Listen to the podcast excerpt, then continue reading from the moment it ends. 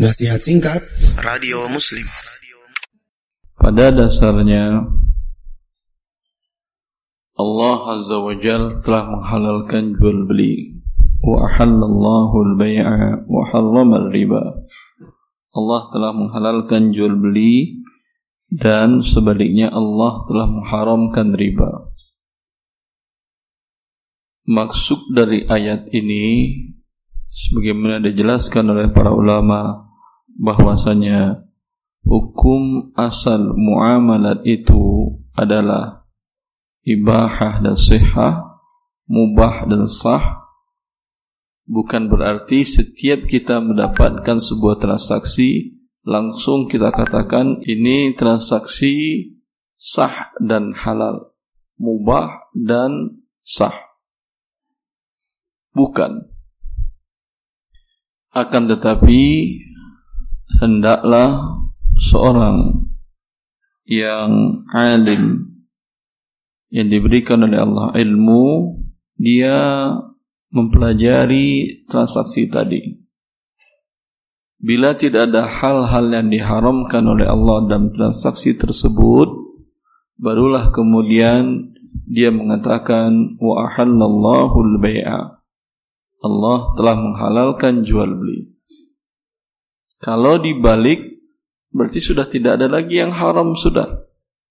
Asal setiap, setiap transaksi halal. Ini transaksi Allah menghalalkan jual beli, jual beli halal. Ya sudah tidak lagi yang haram. Allah tidak memutlakkan jual beli halal, tapi ditakid dan digabung oleh Allah wa riba. Dan Allah telah mengharamkan riba maka bila dalam akad transaksi tadi ada riba dan hal-hal yang menyebabkan dia diharamkan, maka hukum asalnya adalah haram. Keluar dari hukum asal halalnya.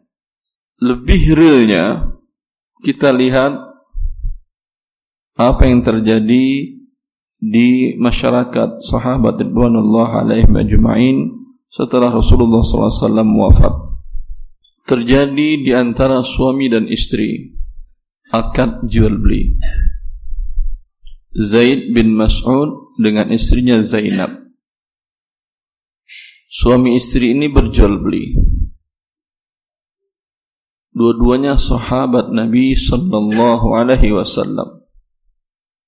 Zaid radhiyallahu taala an membeli budak dari istrinya dengan cara tidak tunai seharga 800 dinar. Paham? Tidak tunai 800 dinar.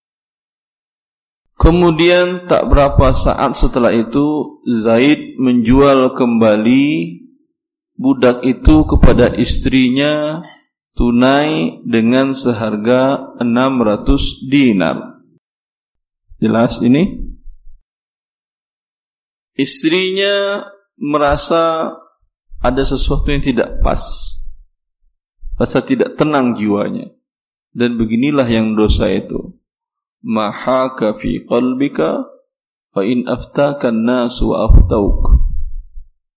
Dosa adalah sesuatu yang mengganjal dalam jiwamu sekalipun orang menfatwakan sekalipun manusia berfatwa itu adalah halal maka Allah menciptakan di dalam kalbu kita subhanallah. Ya. Ada indikator ketika kita berbuat dosa tidak nyaman kalbu kita. Maka istrinya mendatangi Aisyah radhiyallahu anha ummul mukminin. Ya, dan menanyakan apa yang terjadi antara dia dengan suaminya. Bahwasanya dia menjual kepada suaminya seorang budak dengan harga 800 dinar tempo. Kemudian dia membeli kembali dari suaminya tunai dengan harga 600 dinar. Dengar penuturan Zainab, Aisyah radhiyallahu anha tanpa berfikir panjang langsung memberikan hukum taufik dari Allah Azza wa Jal. Tanpa berfikir panjang, langsung dia mengatakan, Bi'sa ma bi'ti wa bi'sa ma ishtaraiti. penjualanmu sangat buruk. Pembelianmu sangat buruk. Wa akhbiri Zaidan dan beritahu suamimu Zaid annahu qad abtala jihadahu ma'a Rasulillah sallallahu alaihi wasallam illam yatub. Perbuatannya ini menghapuskan semua pahalanya perang bersama Rasulullah kalau dia tidak bertaubat.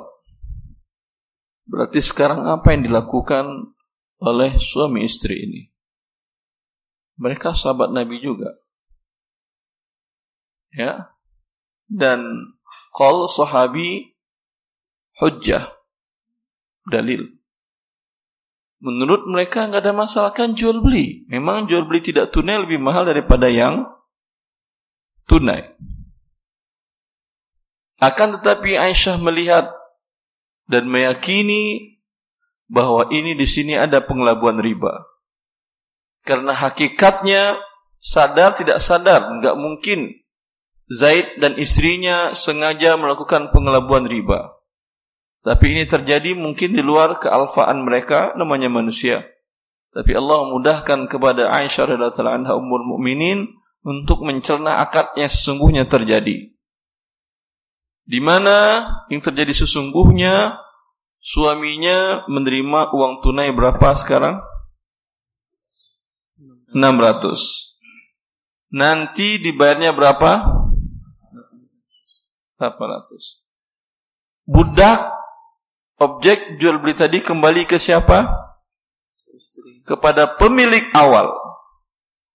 Berarti terima uang 600 tunai dibayar 800 tidak tunai, apa namanya? Riba. Oh dikatakan kan jual beli. Jual belinya semu karena barang kembali ke pemilik asal. Maka tidak bisa kita katakan setiap bertemu sebuah muamalah langsung dikatakan halal. Ya. Mereka berdua melakukan ini karena atas dasar mereka tahu bahwa Allah menghalalkan jual beli. Tetapi mereka alfa atau khilaf akan apa sesungguhnya yang terjadi dan Aisyah bisa menganalisa dan menemukan penyebab sesungguhnya yang terjadi. Ya. Maka pernyataan bahwasanya setiap muamalat adalah mubah dan sah dan halal itu bukan gampang. Kalau di zaman sekarang muncul sebuah transaksi baru, ya, langsung tanpa dipelajari dengan secara yang mendalam, langsung mengatakan halal karena hukum asal muamalat halal tidak cukup. Tapi setelah dia mengadakan kajian yang panjang, ditinjau dari seluruh sisi, dan tidak ada satupun penyebab yang menjadikan dia untuk menjadi haram, barulah dia akan mengatakan ini adalah akad yang halal.